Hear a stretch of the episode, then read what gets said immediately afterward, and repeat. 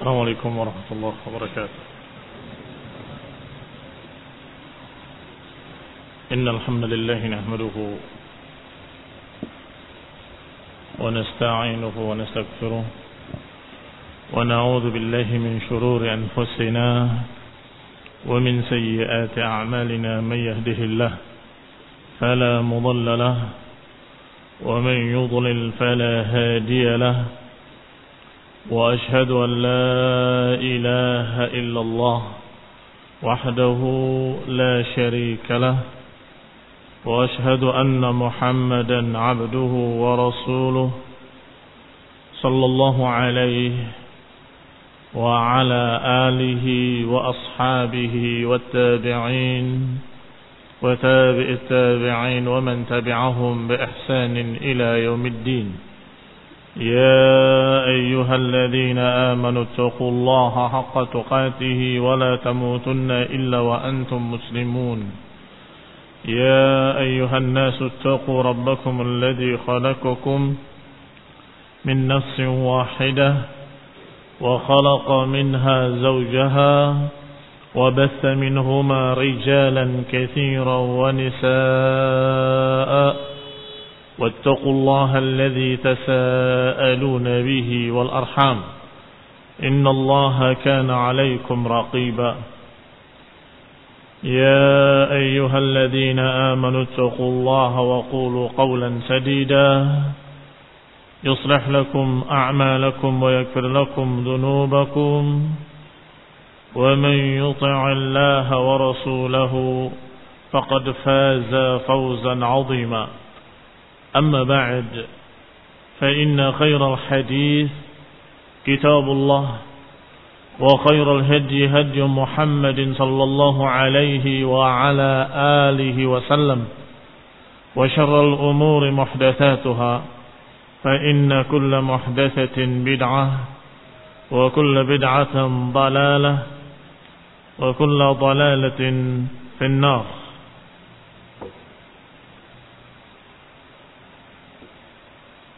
Ikhwani fi din, a'azzakumullah kaum muslimin yang saya hormati.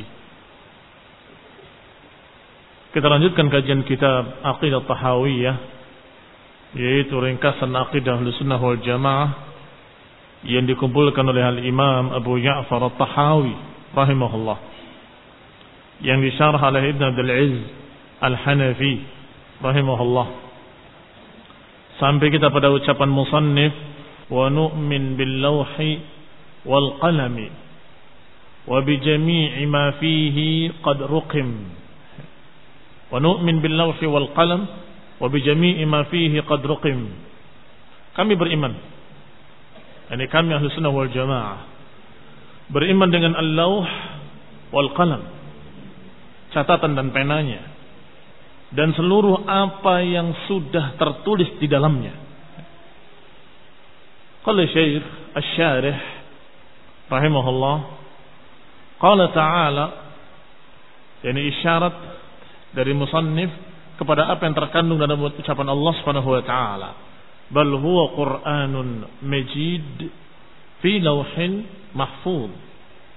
Bahkan itu adalah tulisan yang Quran yang mulia yang sudah ada di lauh al-mahfuz. Diriwayatkan oleh Al-Hafidz Abu Qasim At-Tabarani dengan sanadnya kepada Nabi sallallahu alaihi wa ala alihi wasallam annahu qala bahwa beliau bersabda innallaha khalaqa lauhan mahfuzan. Sesungguhnya Allah Subhanahu wa taala menciptakan lauh yang terjaga. Min durratin bayda dari mutiara yang putih bersih. Safahatuha yaqutatun hamra halaman-halamannya dari batu permata yakut yang merah.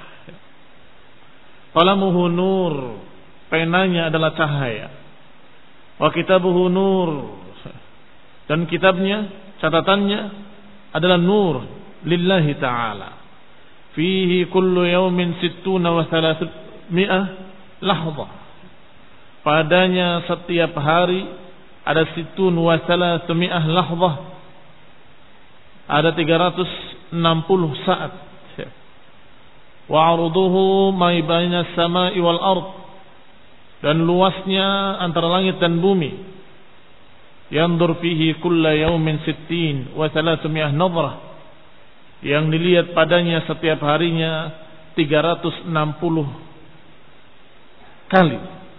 Yakhluqu bi kulli nadrah yang dia ciptakan setiap pandangannya menciptakan sesuatu wa yuhyi wa yumit dan menghidupkan dan mematikan wa yu'izz wa yudhil memuliakan dan merendahkan wa yaf'al ma yasha'u dan dia maha melakukan apa yang dikehendakinya.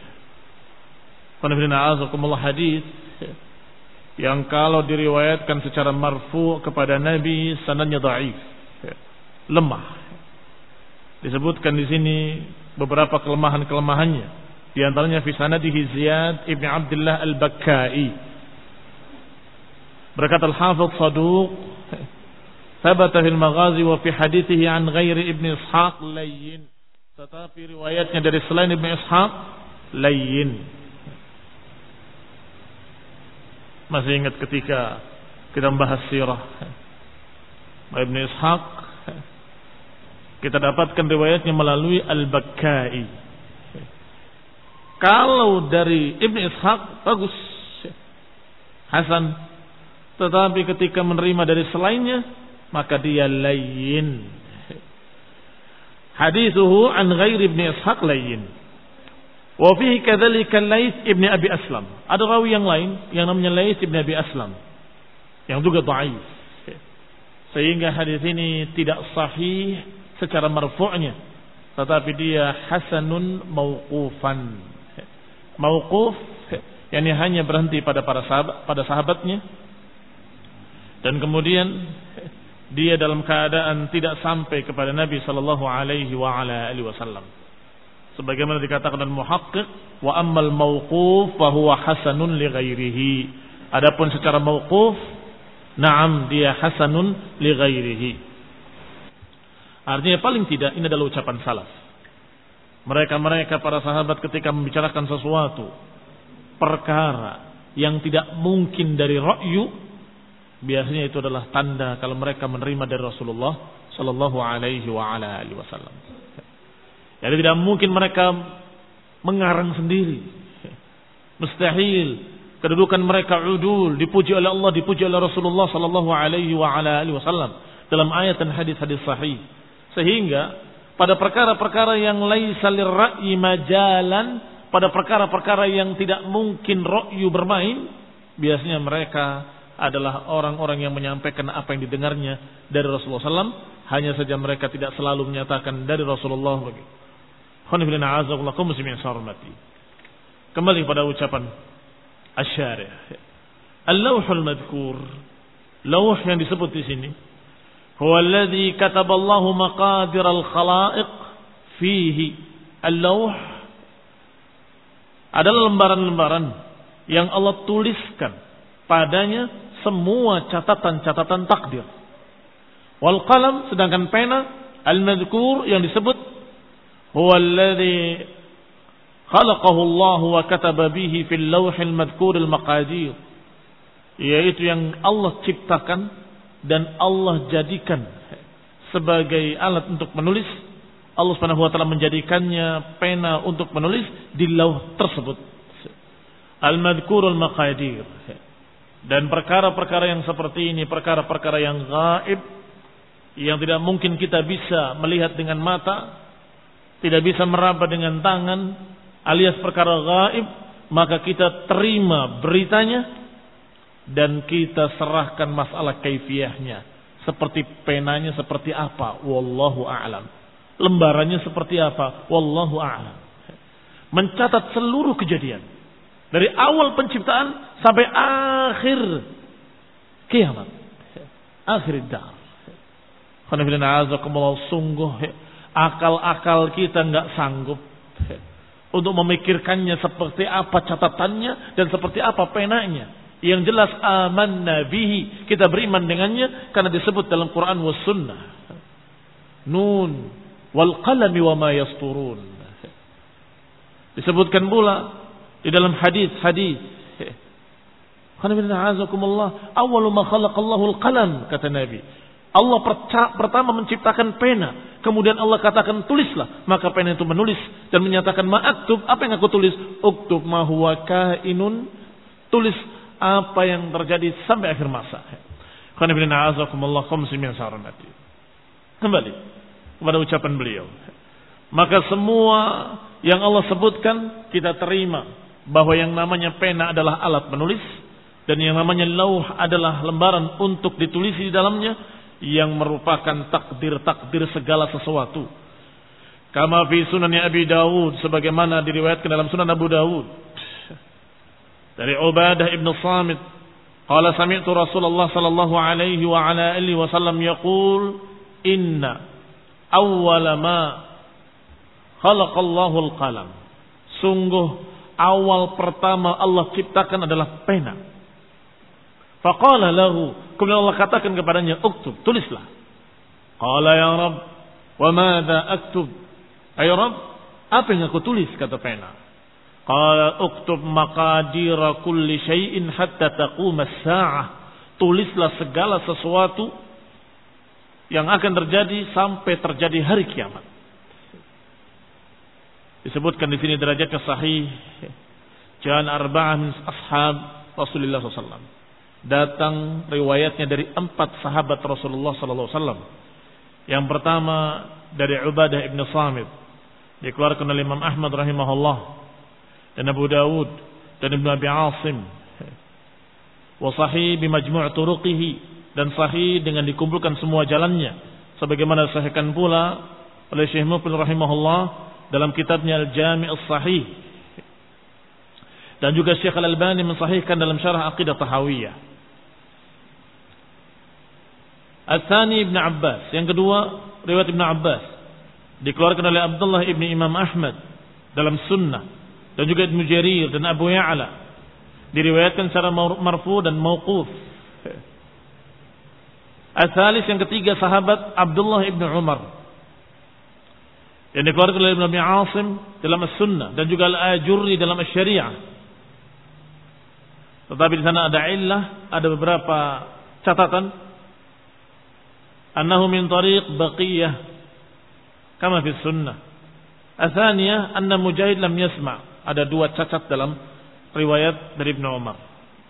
Ar-Rabi an Abi Hurairah yang keempat dari Abi Hurairah yang dikeluarkan oleh Ibn Aji dan Ibn Asakir dan di dalamnya ada Muhammad Ibnu Wahab Ibnu Muslim ad-Dimashqi nah yang dikatakan oleh Ibnu Asakir munkarul haji Ikhwanina a'azakumullah maka yang paling sahih dan yang pertama dan kedua dari Ubadah bin Samit radhiyallahu taala anhu dan juga dari Ibnu Abbas radhiyallahu taala anhuma. Wa ikhtalafa al-ulama. Kemudian para ulama berselisih tentang awal diciptakan dari makhluk. Halil qalam awalul makhluqat? Apakah pena yang pertama diciptakan? Awil arsh atau arsh? ala qaulaini minal ulama mereka berbeda pendapat menjadi dua pendapat Dzakarahum al-Hafidh Abu Ya'ad Abu Al-Ala Al-Hamadani disebutkan kedua pendapat itu oleh Abu Al-Ala Al-Hamadani asahhuhuma yang paling sahih dari kedua pendapat tersebut annal arsya qabla al-qalam bahwasanya ars sebelum pena Kenapa? Karena ada riwayat lain. Bahkan lebih sahih. Dari hadis Abdullah ibn Amr. Qala qala Rasulullah sallallahu alaihi wa ala alihi wasallam. Dan ini dalam sahih Muslim. Katab Allah maqadir al-khalaiq qabla an yakhluqa as-samawati wal ardi bi alf sana. Ditulisnya takdir-takdir seluruh makhluk itu adalah sebelum diciptakannya langit dan bumi 50 ribu tahun sebelum diciptakannya langit dan bumi. Qala wa arshuhu 'alal ma dan arsy di atas air. Fa hadha sarihun anna taqdir waqa'a ba'da khalqil arsh. Dan ini sangat jelas bahwa takdir-takdir tadi ditulis setelah diciptakannya arsh. Wa taqdir waqa'a 'inda awal khalqil qalam bi hadis Ubadah hadha. Sedangkan pendapat yang menyatakan bahwasanya pena adalah yang pertama kali diciptakan adalah dengan hadis yang bersama kita ini, hadis Ubadah. Dalam riwayat Abu Dawud bahwasanya Rasulullah SAW menyatakan awwalu ma khalaqallah al-qalam. Wa la yakhlu qawluhu awwalu ma khalaqallahu al-qalam ila akhirih imma an yakuna jumlatan aw jumlataini. Fa in kana jumlatan wa huwa sahih kana ma'nahu annahu 'inda awwal khalqihi qala lahu uktub. Kama fil lafz kama fil lafz awwalu ma khalaqallahu al-qalam qala lahu uktub. Kata beliau bahwa hadis ini karena yang rajih adalah arus pertama kali. Kenapa kok pena dikatakan dalam hadis yang sahih ini awal ma khalaqallahu al-qalam, awal pertama Allah ciptakan pena. Kok bertentangan dengan hadis yang tadi bahwa arusnya sudah ada. Maka ikhwan ibn azamullah perhatikan alasan beliau. Perhatikan alasan para ulama yang merajihkan hadis pertama, hadis arus. Kata mereka, bahwa kalimat awwalu ma khalaqallahu al-qalam bisa jadi dua jumlah mufidah atau satu jumlah mufidah. Kalau satu jumlah mufidah maka maknanya adalah awwalu ma khalaqallahu al-qalam qala lahu. Awal pertama Allah ciptakan pena, Allah katakan padanya. Baik, apakah terkesan bahwa itu adalah yang paling pertama diciptakan? Tidak. Karena qala lahu ini adalah masih berkait dengan jumlatul ula. Masih sambungan kalimat awwalu ma khalaqallahu qalam artinya ini adalah sedang menerangkan tentang zarfuz zaman. Kapan Allah katakan qala lahu uktub? Kapan? Ketika awal diciptakan pena. Paham? Ya, ini jangan dipisah. Kalau dipisah awwalu ma khalaqallahu qalam titik. Selesai jumlah mufidah. Kemudian jumlah baru. Kalau Allah Allah Subhanahu wa taala berfirman kepadanya, "Uktub, tulislah." Terkesan bahwa yang tadi berita bahwa pena adalah awal pertama diciptakan. Tetapi kalau jumlah tadi seluruhnya dijadikan satu jumlah mufidah, satu kalimat sempurna, maka maknanya adalah awal pertama Allah ciptakan pena, Allah katakan padanya, tulislah. Maka pena bertanya, ma aktub? Apa yang aku tulis? Uktub ma huwa kainun ila yaumil qiyamah. Masya Allah. Para ulama sangat jeli melihatnya. Sehingga makna hadis ini tidak berbicara tentang awal penciptaan seluruh makhluk. Yang pertama adalah pena. Bukan. Tetapi menceritakan ketika awal diciptakannya pena, Allah katakan kepadanya, tulislah. Binasbi awwala wal qalam dengan dinasabkan awalnya dan penanya. Berarti dibacanya awwala ma khalaqallah. Alhamdulillah. Al-qalama Nah. Wa in kana jumlatain. Tapi kalau sekarang dianggap dua jumlah. Bisa jadi itu adalah dua jumlah mufidah. Bagaimana? Taib liman ja'ala jumlatain wa huwa marwiyun birafa' maka diriwayatkan dengan rafa awalu ma khalaqallah karena kalau awala menceritakan tentang zaman kapan Allah katakan uktub. Awala ma khalaqallahul qalam qala lahu. Uktub. Baik. Tetapi kalau dijadikan dua jumlah mufidah maka kalimat awalnya didomahkan uh, dimarfukan. Wa alamatu raf'ihi dhammah. Awwalu ma khalaqallah. Fayata'ayyan hamluhu ala annahu awal al makhluqat min hadzal alam. Maka terkesan bahwa pena adalah awal pertama makhluk dari seluruh makhluk-makhluknya fayattafiqul hadithani id hadith Abdullah ibn Amr sarihun fi anna al-'arsh sabiqun ala taqdir والتقدير مقارن لخلق القلم وفي اللفظ الآخر لما خلق الله القلم قال له اكتب kalau dibikin menjadi dua kalimat sempurna, awalu ma khalaqallahu qalam titik. Baru kemudian Allah Subhanahu wa taala berfirman kepadanya tulislah dan seterusnya. Maka berarti pena adalah awal pertama makhluk yang diciptakan. Tetapi awalnya adalah awaliyahnya adalah nisbiyah. Nisbiyah dibandingkan dengan makhluk-makhluk lain. Bukan dibandingkan dengan arus. Mafhum? Ya ini arus sudah diciptakan. Tidak dibahas. Kemudian makhluk-makhluk ini akan diciptakan dengan takdir-takdirnya masing-masing. Makhluk akan diciptakan dengan takdir-takdirnya masing-masing. Maka pertama Allah ciptakan qalam. Sehingga tidak bertentangan dengan hadis yang kemarin atau dengan hadis yang lebih dulu dibaca tadi. Wa takdir muqarin li khalqil qalam. Maka takdir berkait dengan diciptakannya pena. Bahkan dalam lafaz lain lebih jelas lagi kalimatnya lamma khalaqallahu al-qalam qala lahu uktub. Perhatikan lafaz ini. Lamma khalaqallahu al-qalam qala lahu uktub. Ketika diciptakan pena, Allah katakan kepadanya tulislah. Ini mendukung yang jumlatain atau yang jumlatun wahidah? Hah? Jadi mendukung pendapat bahwa hadis tadi jumlatun wahidah. Berarti dibaca dengan awwala ma khalaqallahu al-qalam qala lahu uktub.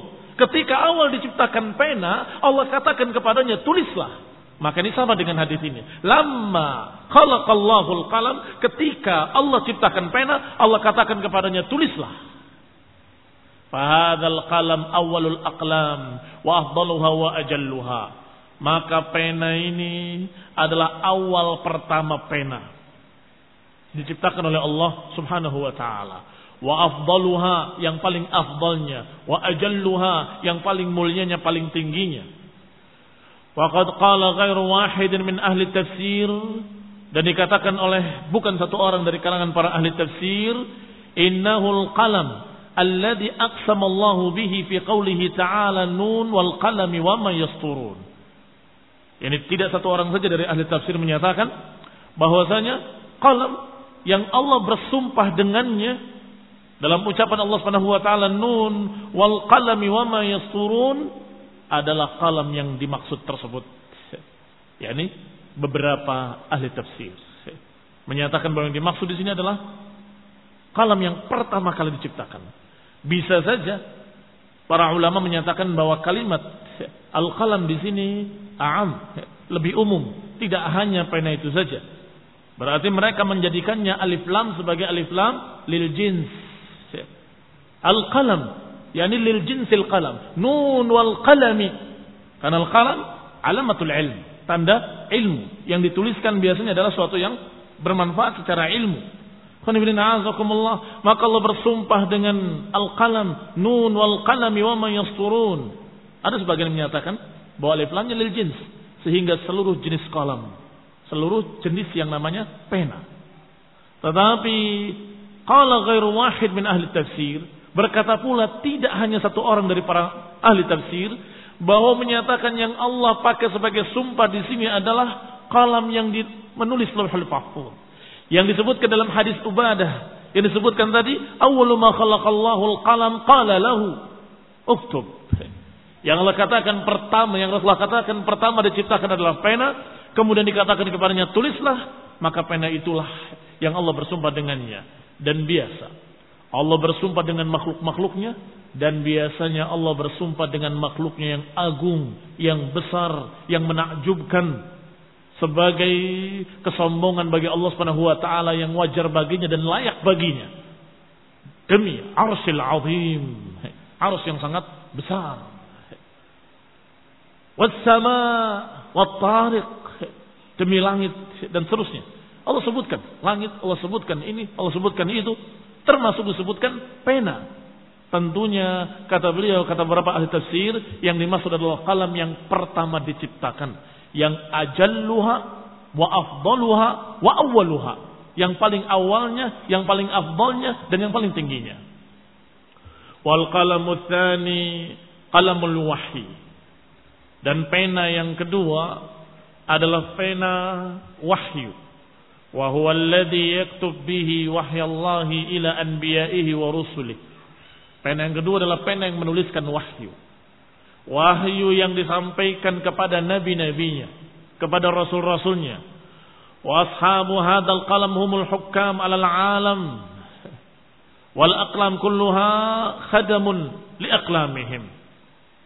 وقد رفع النبي صلى الله عليه وعلى آله وسلم ليلة أسري به إلى مستوى يسمع فيه صريف الأقلام.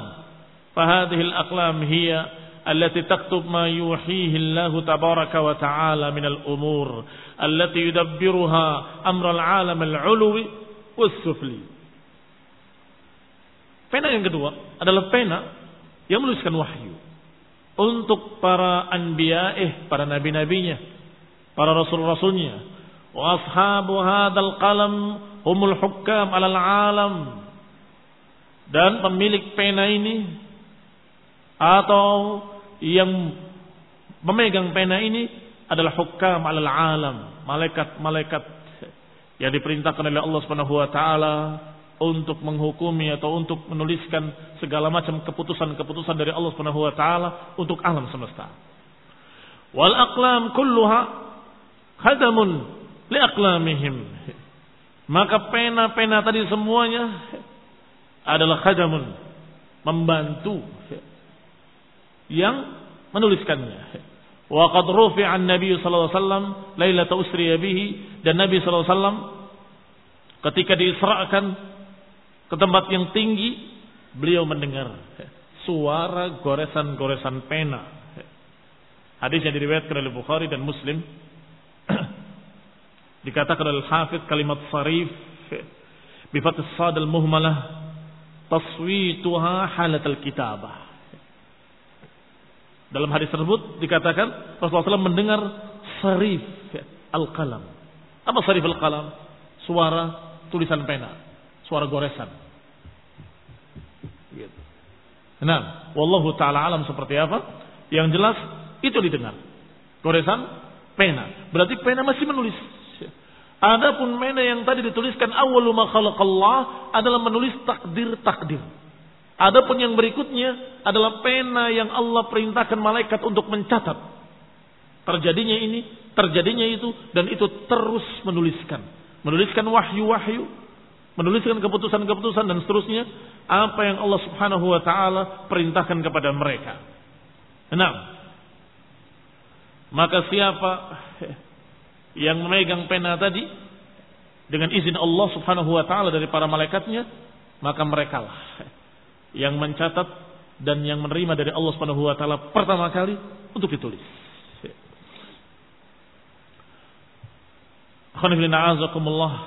dikatakan Allah tabaraka taala tabaraka wa taala mewahyukannya menyampaikannya untuk mengatur seluruh alam al-uluwi was-sufli yang tinggi dan yang rendah. Qauluhu Berkata lagi musannif rahimahullah, "Falau ijtama'al khalqu kulluhum ala syai'in katabahu Allah taala annahu kainun liyaj'aluhu ghayra kainin lam yaqdiru alaih." Kata musannif selanjutnya, kalau berkumpul seluruh makhluk-makhluk atas sesuatu yang Allah sudah tuliskan bahwa itu akan terjadi. Mereka berkumpul untuk menjadikannya tidak terjadi. Lam yaqdiru alaih tidak akan mampu mereka. Walaupun berkumpul seluruh manusia dan seluruh jin bekerja sama bantu membantu mengerjakan sesuatu yang Allah kehendaki terjadi dan mereka menghendaki tidak terjadi tidak bisa sebaliknya walau ijtama'u kulluhum ala syai'in lam yaktubu Allah taala kalaupun mereka berkumpul seluruhnya untuk sesuatu yang Allah tidak takdirkan Liyaj'aluhu kainan. Mereka jadikan supaya terjadi. Tidak akan mungkin terjadi. Jaffal qalamu bima huwa kainun ila yaumil qiyamah. Sudah kering pena. Dengan apa yang akan terjadi sampai hari kiamat. Sudah kering pena, artinya sudah selesai penulisan dan tidak ada perubahan-perubahan. Demikian ucapan musannif Abu Ja'far Tahawi. Maka berkata Syarih Ibn Abdul Aziz Al-Hanafi rahimahullah, taqaddama hadis Jabir an Rasulullah sallallahu alaihi wa ala alihi wasallam qala jaa Suraqa ibn Malik ibn Ju'sham faqala ya Rasulullah bayyin lana dinana ka'anna khuliqna al-an sudah lewat hadis dari Jabir ibn Abdullah radhiyallahu taala anhu dari Rasulullah sallallahu alaihi wa ala alihi wasallam ketika datang Suraqah Ibni Malik Ibni Ja'sham. ketika berkata ya Rasulullah bayyin lana dinana ka'anna khuliqna al-an ya Rasulullah terangkan pada kami agama kami terangkan pada kami agama kami ka'anna khuliqna al-yawm ka'anna khuliqna al-an sungguh kami seakan-akan baru diciptakan sekarang ini baru sadar baru betul-betul paham dengan agama ini seakan-akan kami baru ciptakan sekarang coba terangkan Fimal amal al-yawm. Terangkan untuk apa kami beramal hari ini. Kalau memang sudah ditakdirkan. Ini pertanyaan seperti ini. Ada dua jenis.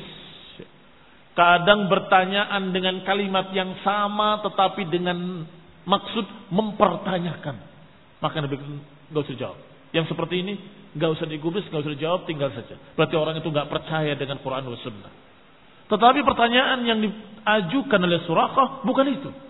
Tapi dia benar-benar tidak sadar atau tidak merasa tidak mengerti ya Rasulullah. Kami nggak ngerti. Kami seakan-akan baru diciptakan sekarang. Kalau memang sudah takdirkan, kami beramal sekarang untuk apa? Afima jafat bihil aklam, wajarat bihil maqajir, Apakah pada yang sudah ditakdirkan, sudah kering pena-pena dan sudah berlangsung takdir-takdir? Amfi mastakbal atau sesuatu yang akan terjadi yang belum tentukan. Qal kata Nabi, la bal fi jaffat bihil aqlam wajarat bihil maqadir. Tidak. Bahkan pada apa yang sudah kering pena mencatatnya dan sudah Selesai pencatatan takdir. Jadi kamu kerjakan apa pun yang kamu kerjakan itu pada apa yang sudah kering pena. Wallah bukan dengan keimanan sulit untuk mempercayai hal ini. Kalau bukan dengan iman kepada Allah dan iman kepada Rasulnya, iman kepada takdir dan kekuasaan Allah Subhanahu wa taala, Al-qadaru qudratullah. Benar kata Imam Ahmad rahimahullah. Yang namanya takdir itu kekuasaan Allah. Kalau akal kita sebatas akal kita nggak mampu. Saya kan bisa milih. Berbuat apa nggak berbuat. Saya kan bisa menentukan mau minum atau nggak minum. Kenapa kok bisa? Sudah tertulis di sana. Sudah tertentu. Padahal kita masih berikhtiar, masih bisa milih. Iya. Itu kalau kamu memikirkan dengan kemampuan kamu. Kalau memikirkan dengan kemampuan Allah yang maha kuasa. Silakan kalian bermilih apa pun. nggak akan lepas dari apa yang sudah dicatat di lauhil mahfuz. Ini dijawab oleh Rasulullah SAW pada surah. La bal fi ma jaffat bihil aqlam wa jarat bihil khalaiq al maqadir jarat bihil maqadir bahkan apa yang kamu kerjakan adalah pada apa yang sudah tercatat di lauhul mahfuz. Dan sudah berlangsung takdir-takdir. Demikian pula diriwayatkan dari Ibn Abbas radhiyallahu taala anhu maqala bahwa Ibn Abbas mengatakan kuntu khalfa Rasulillah. Kami pernah di belakang Rasulullah SAW. Yauman pada satu hari. Faqala ya gulam. Ala uallimuka kalimat. Wahai gulam. Maukah aku mengajarimu beberapa kalimat? Ihfazillah yahfazka. Jagalah agama Allah, Allah akan menjagamu. Ihfazillah tajiduhu tujahak. Jagalah syariat Allah, jagalah perintah-perintah Allah, niscaya engkau akan dapati Allah di hadapan kamu. Idza sa'alta fas'alillah, kalau meminta memintalah kepada Allah. Wa idza sta'anta fasta'in billah dan kalau meminta pertolongan mintalah pertolongan pada Allah. Wa'lam annal ummata law ijtama'at ala an yanfa'uka bi lam yanfa'uka illa bi qad katabahu Allah laka. Ketahuilah Kalaupun umat ini seluruhnya bersatu padu untuk memberikan manfaat kepadamu dengan sesuatu yang mereka harapkan untuk memberikan manfaat tidak akan bisa memberikan manfaat kepadamu. Illa kecuali bisyai'in qad katabahu kecuali dengan sesuatu yang sudah dicatat secara takdir kamu akan mendapatkannya Walau ijtama'u ala an yadurruka bi syai'in dan kalau mereka berkumpul untuk membuat madarat kepadamu dengan sesuatu, enggak akan mereka bisa membuat madarat kepadamu kecuali dengan sesuatu yang sudah Allah takdirkan atasmu. Rufi'atil aqlam. Sudah diangkat pena. Wajaffatis suhuf dan sudah kering lembaran-lembaran.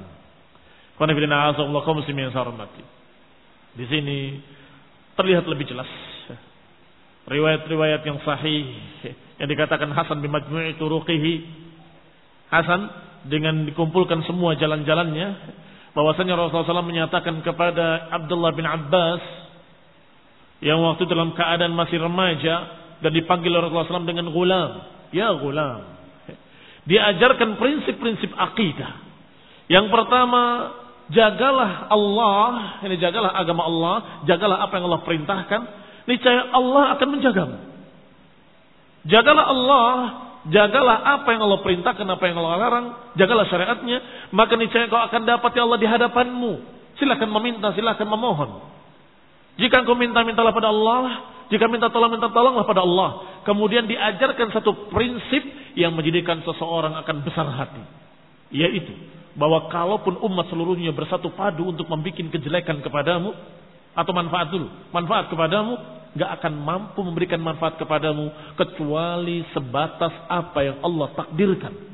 Dan kalau umat seluruhnya bersatu padu bekerja sama untuk memberikan madarat, kejelekan kepadamu, gak akan bisa memberikan kejelekan kepada kamu kecuali sebatas apa yang sudah ditakdirkan Allah kepadamu.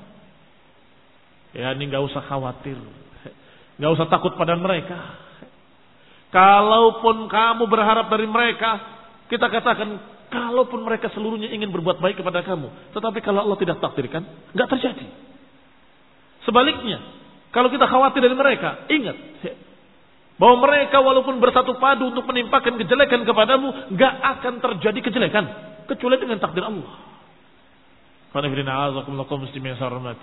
Maka seharusnya seorang mukmin hanya bertawakal pada Allah Subhanahu wa taala.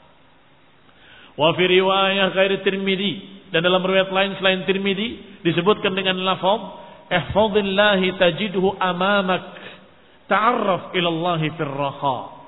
Kenalilah Allah dalam keadaan mudah, dalam keadaan lapang. Ya'rifka fi syiddah, maka dia akan mengenalimu di masa-masa susah. Wa'alam anna ma akhta'aka lam yakun liyusibak. Ketahuilah. Apa yang meleset darimu. Ini secara takdir. Enggak akan menimpamu abadan. Sebaliknya, wa ma asabak. Apa yang sudah tercatat akan menimpamu. Lam yakun liyukhti'ak. Enggak akan bisa meleset dari kamu. Pasti kena. Kalau sudah dicatat secara takdir. Wa'alam anna nasra ma'as sabr. Ketahuilah bahwa kemenangan selalu bersama kesabaran. Sudah tercatat di lauhil mahfuz. Sabar menang. Tidak sabar kalah.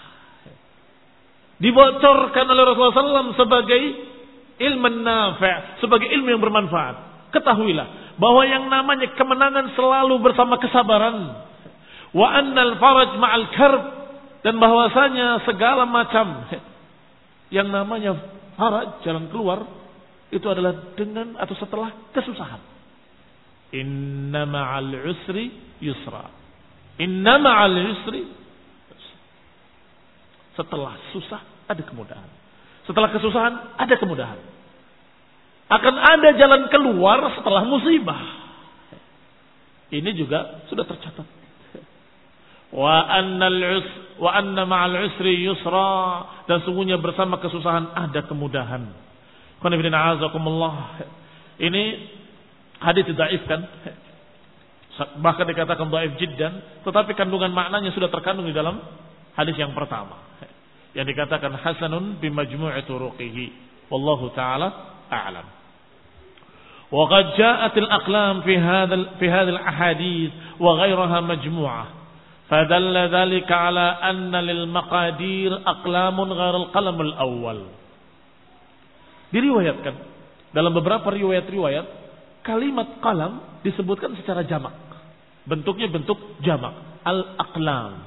Al-aqlam itu bentuk jamak dari qalam. Dan ini menunjukkan bahwasanya bisa saja lil maqadir aqlamun bahwa untuk mencatat takdir-takdir ini bukan satu pena saja tetapi aqlam sekian banyak pena ghairul qalamul awal bukan pena yang pertama dicatat pertama kali oleh pena yang disebutkan dalam hadis Abu Dawud dari Ubadah bin Samit awal ma al-qalam qala lahu uktub Kemudian itu belum ciptakan apa pun. Belum diciptakan apa pun. Baru setelah itu ciptakan malaikat, diciptakan ini, ciptakan itu. Sampai kemudian diciptakan pula manusia. 50 ribu tahun setelah dicatat takdir baru ciptakan manusia. Ciptakan langit dan bumi dulu. Ya, afwan. Langit dan bumi dulu. Sebab takdir sebelum diciptakannya langit dan bumi 50 ribu tahun. Baru setelah itu dicatat. Catatan-catatan ada yang tahunan, ada yang ketika uh, di perut ibunya diperintahkan oleh Allah tulislah.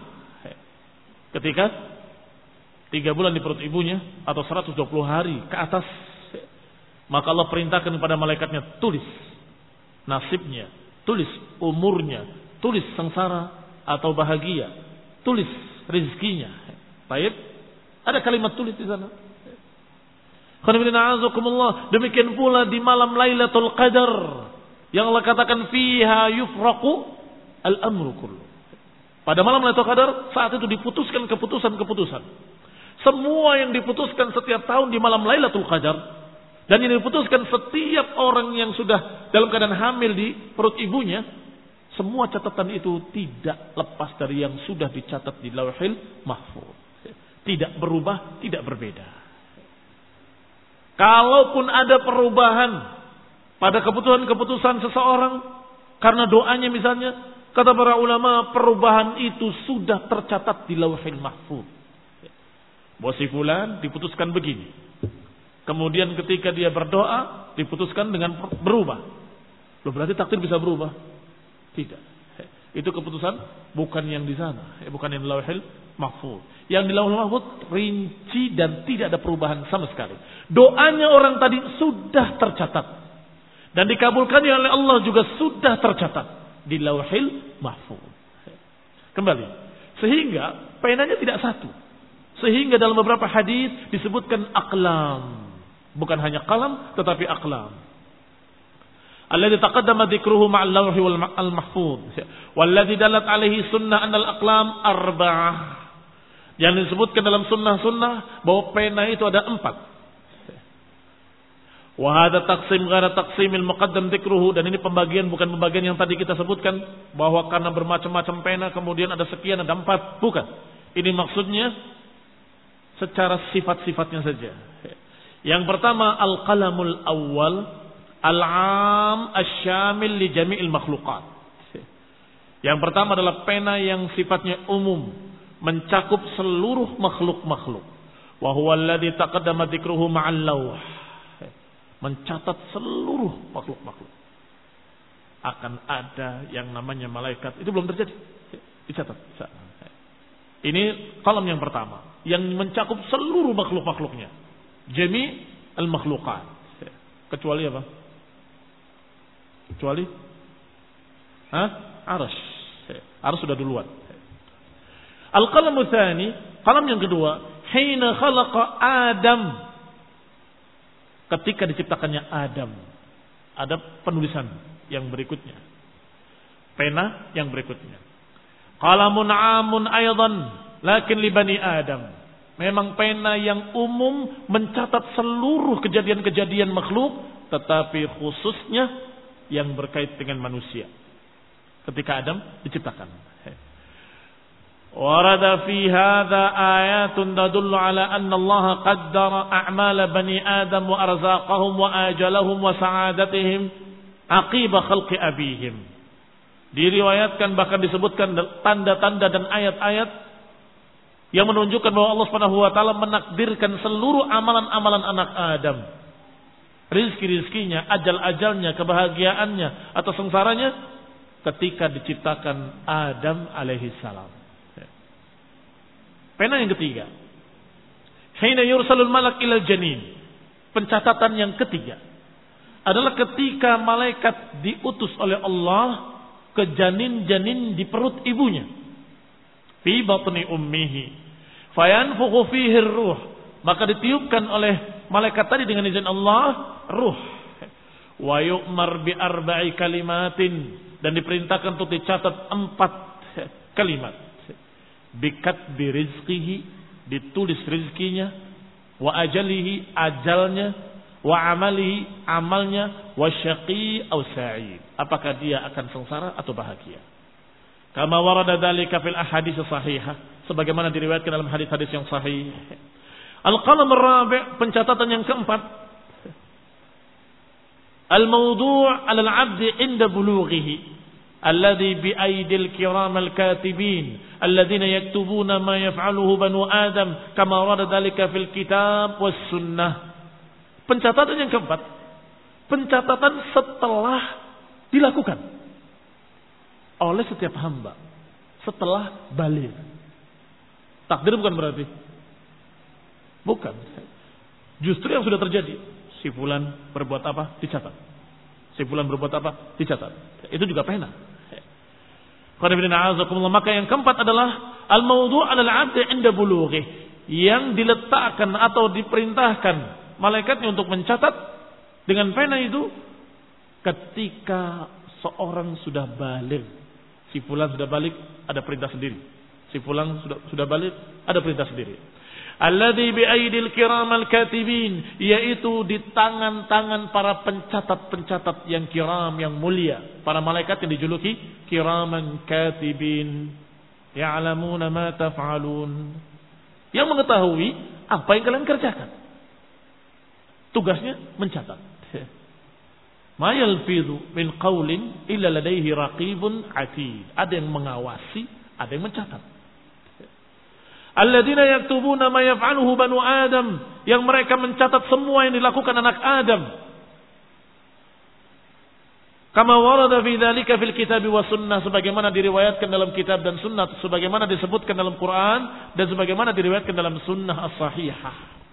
Oleh karena itu, ada istilah rufi'al qalam. Diangkat pena. An salah. Diangkat pena dari orang yang tidur sampai bangun, dari orang yang gila sampai waras, ya, diangkat pena. Kenapa? Ma apa maknanya diangkat pena? Tidak dicatat berbuat apa pun, termasuk anak yang belum balik. Berbuat ini belum belum dicatat. Ketika sudah balik, mulai dicatat. Berbuat kebaikan, berbuat kejelekan, catat. Mengucapkan kalimat ini, kalimat itu tercatat semuanya. Baik, ini pencatatan juga yang berarti pena juga. Tetapi berbeda dengan pena-pena yang tadi. Maka kalau dikumpulkan ada empat jenis pena. Pena yang am, syamil li kulli makhlukat. Yang kedua pena yang umum tapi pada manusia. Manusia dan jin tentunya. Kemudian yang ketiga adalah pena yang mencatat setiap orang akan lahir atau ketika di perut ibunya. Dicatat rezekinya, dicatat ini semuanya. Baru yang keempat adalah pencatatan ketika dia sudah berbuat. Si fulan berbuat begini, si fulan berbuat begitu. Wa idza 'alima al-'abdu anna kullan min 'indillah fal wajib ifraduhu subhanahu wa ta'ala bil khasyati wat taqwa. Kalau sudah kita ketahui kalau seorang hamba sudah mengerti bahwa semuanya dari Allah, dicatat oleh Allah, ditakdirkan oleh Allah, maka yang wajib bagi kita kaum muslimin, bagi kita manusia seluruhnya, hendaklah mengkhususkan takut kepada Allah Subhanahu wa taala. Ifraduhu mengesahkan Allah Subhanahu wa taala bil khasyah dengan rasa takut. Wa taqwa dengan ketakwaan. Qala ta'ala fala takhshawun nasa wakhshawun. Sebagaimana Allah perintahkan. Janganlah takut pada manusia, takutlah kepadaku. Manusia hanya bisa ngancam-ngancam. Tetapi kalau mereka ingin memberikan madarat kepadamu, nggak akan bisa memberikan madarat kecuali sebatas apa yang Allah takdirkan. Kalau nggak ditakdirkan Allah, tidak akan terjadi. Yakin. Maka doalah pada Allah SWT.